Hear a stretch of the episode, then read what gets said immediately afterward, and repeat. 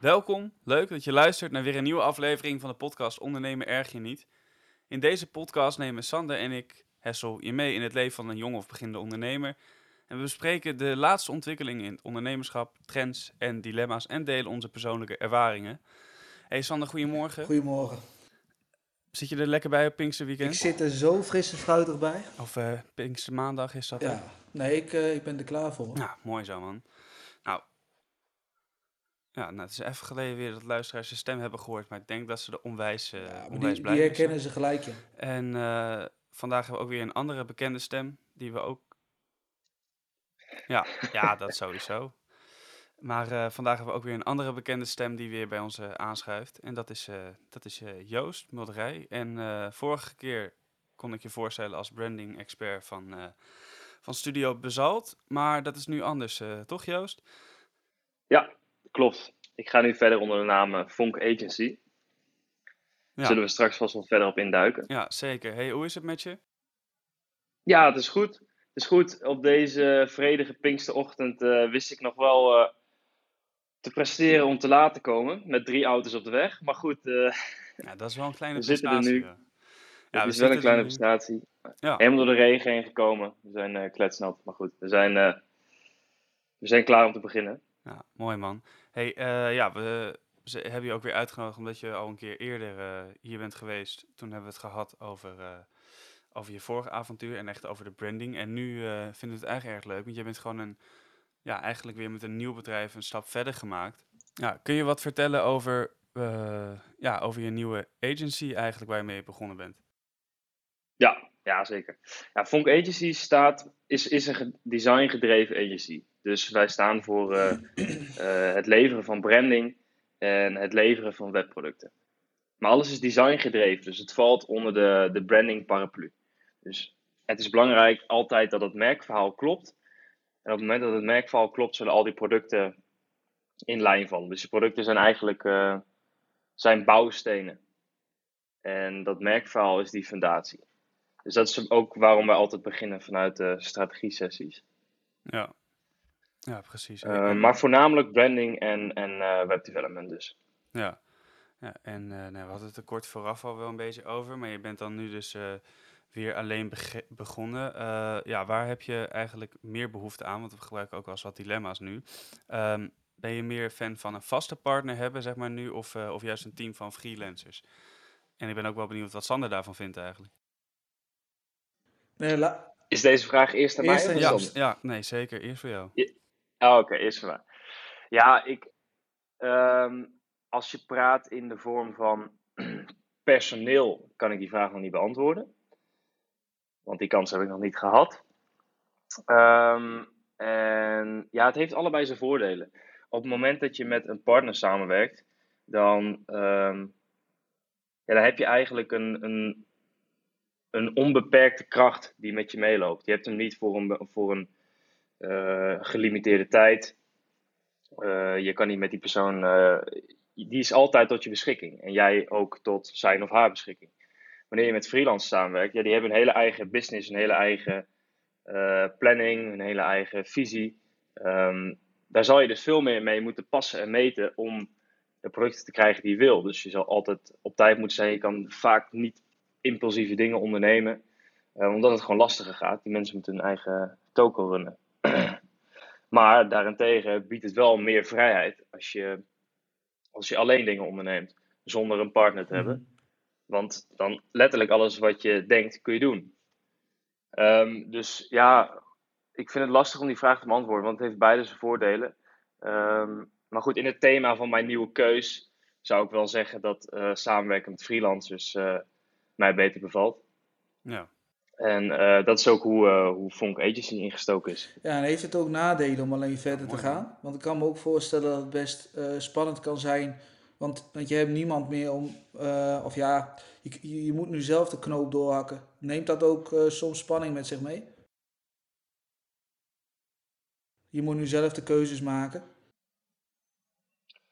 Ehm, het, het, het doorhakken van, van knopen binnen het bedrijf, gewoon keuzes die ik moet maken voor Fonk, of überhaupt om Fonk op te richten. Nee, keuzes die je moet maken. Bijvoorbeeld, eh, ik, ja, ik, ik weet niet precies, maar bijvoorbeeld als je een investering doet of als je eh, wel of niet de klant aanneemt. Of als je een bepaald dilemma hebt, of het dan lastig is om dat in je eentje te doen. Want je hebt niet echt een sparring, sparringspartner op dat moment. Nee, totaal niet eigenlijk. Want ik heb, ehm, ik heb vaak het idee al wel liggen. Ik heb vaak wel gelijk ergens een, een eerste reactie op. Ja, En daar denk ik dan soms nog wel vaker over na. Maar ik heb al wel direct vaak wel een besluit liggen. Wat ik eh, kan ondernemen. Mocht ik tijd hebben om er langer over na te denken, dan, dan doe ik dat. ja, Maar precies. dat vind ik eigenlijk niet, eh, niet zozeer eh, lastig. Nee, precies. Nee. Nou, oké. Hey, en ehm, en je, je, je hebt dan deze stap gezet, hè? Eh, hoe pak je dat dan weer aan, zeg maar gewoon? Hoe, hoe, eh, ja, hoe vlieg je dat aan om weer overnieuw te beginnen? Soort van. Ja, wat is het eerste wat je doet? Ja. Ja, ja, je begint wel een soort van opnieuw, dat zeg je wel mooi. Eh, in feite start je een bedrijf van nul. Eh, ik heb natuurlijk wel het voordeel dat ik een netwerk heb mogen opbouwen de afgelopen drie jaar, die ik nu weer opnieuw kan inzetten. Eh, maar los daarvan heb je wel weer een helemaal nieuwe naam, een nieuw gezicht. Ehm, en dat moet langzamerhand weer aan de man gebracht worden. Ja. En eh, ja, hoe start je dat? Dat begon eigenlijk. Ja, ik heb natuurlijk eerst heel goed nagedacht over de keus. Sta ik erachter? Wat zijn mijn redenen?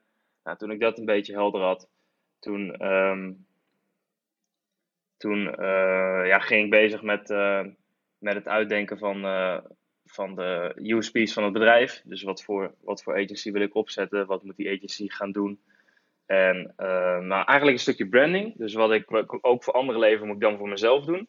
En dan merk ik wel dat ik dat lastiger vind dan voor een klant.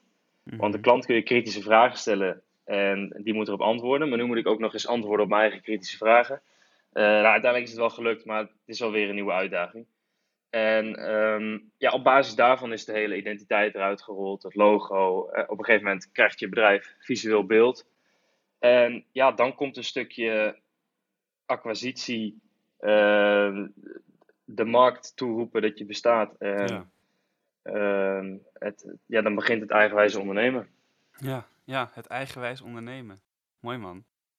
Hey, en eh, hoe eh, ja, vond je zelf dat dat nu dan eh, langer duurt, zeg maar, om zoiets op te starten, omdat je eh, toch wat meer kennis en ervaring hebt? Eigenlijk juist heel onlogisch, misschien wat ik zeg, maar eh, ja, je weet veel meer, dus je gaat misschien aan veel meer dingen denken, bent overal wat kritischer op met hoe je weer een nieuw bedrijf begint. Heb je dat zo ervaren, of is het juist makkelijker nu om die stap te zetten? Ehm, de stap zetten zelf, die, was, die was uiteraard wel moeilijk, want je moet goed, goed over nadenken. Maar het opzetten en het, het creëren van een beeld van het, van het nieuwe bedrijf, dat ging mij veel makkelijker af. Omdat ik door de jaren heen wel geleerd heb wat is belangrijk en wat niet. En eerder kon ik heel lang malen over eh, de kleinste designkeuzes. Moet je dit wel zo doen, moet je dit wel zo doen, en opnieuw proberen en aan mensen laten zien.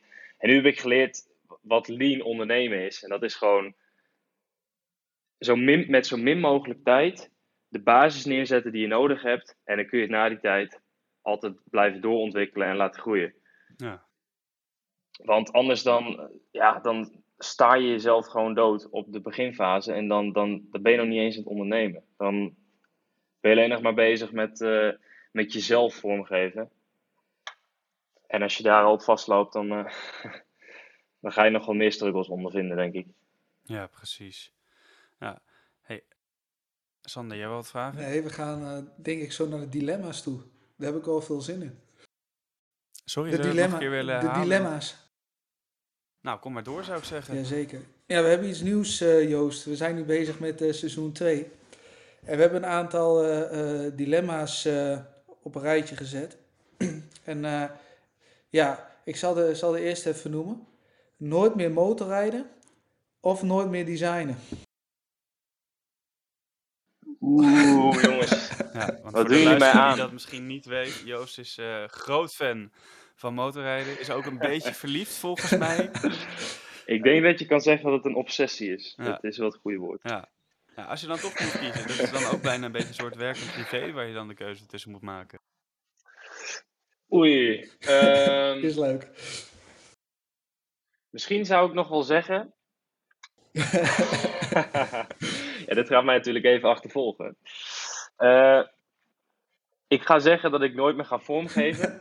en dat ik dat, al het vormgeven ga uitbesteden. Oké, Dus je bent Maar vandaag dat nog is sowieso de stap die ik wil maken. Nee, dat niet. Nee. Want ik heb wel de afspraak met mezelf gemaakt dat ik iets meer moet bewegen om naar mijn werk toe te komen. Dus ik pak nu wel weer het fietsje. Maar in het weekend pak ik het andere fietsje. Het motorfietsje. En ehm, ja, ja. Nou, lekker. Nee, maar in principe het vormgeven wil ik sowieso steeds meer gaan uitbesteden. Dus ik zie mezelf dat over eh, eh, drie, vier jaar ook niet heel veel meer doen eigenlijk. Nee. En wat voor rol eh, is dan voor jezelf weggelegd? Meer de strategische kant dus. Het uitdenken. Ja, ja, ja. En dat, dat, daar ben ik nog heel veel aan het leren. Daar kan ik ook nog. daar, ja, daar ben je nooit in uitgeleerd. Maar ik, ik probeer er ook veel andere ondernemers in te spreken die al veel verder zijn dan mij, veel meer jaren ervaring hebben. En ehm, dan probeer ik langzaam wel steeds meer in die functie te komen. Iets meer als consultant, strateeg. Ehm, dat je echt de, de pijnpunten uit zo'n uit zo'n ehm, merk slash bedrijf haalt waar je mee aan de slag kan. Ik vind dat, merk ik, dat ik dat echt heel kicken vind. En eh, de vormgeving ook leuk, maar dan is het denkwerk al gedaan, zeg maar, Ja. grotendeels. En dat is juist eh, soms ook een beetje de uitdaging. Een plan neerzetten en... eh, Ja, ja, ook de vormgeving is ook zeker niet makkelijk, want dat is de oplossing waar je ook over na moet denken. oh, absoluut. Eh, maar ik merk soms dat ik, eh, dat ik die, die strategische functie ook wel heel leuk vind, ook vanwege het eh, sociale aspect. ja. Het is gewoon veel contact, je hebt een leuk gesprek en je gaat diep in op dingen. Dus nee, dat is waar ik naartoe wil. Ja.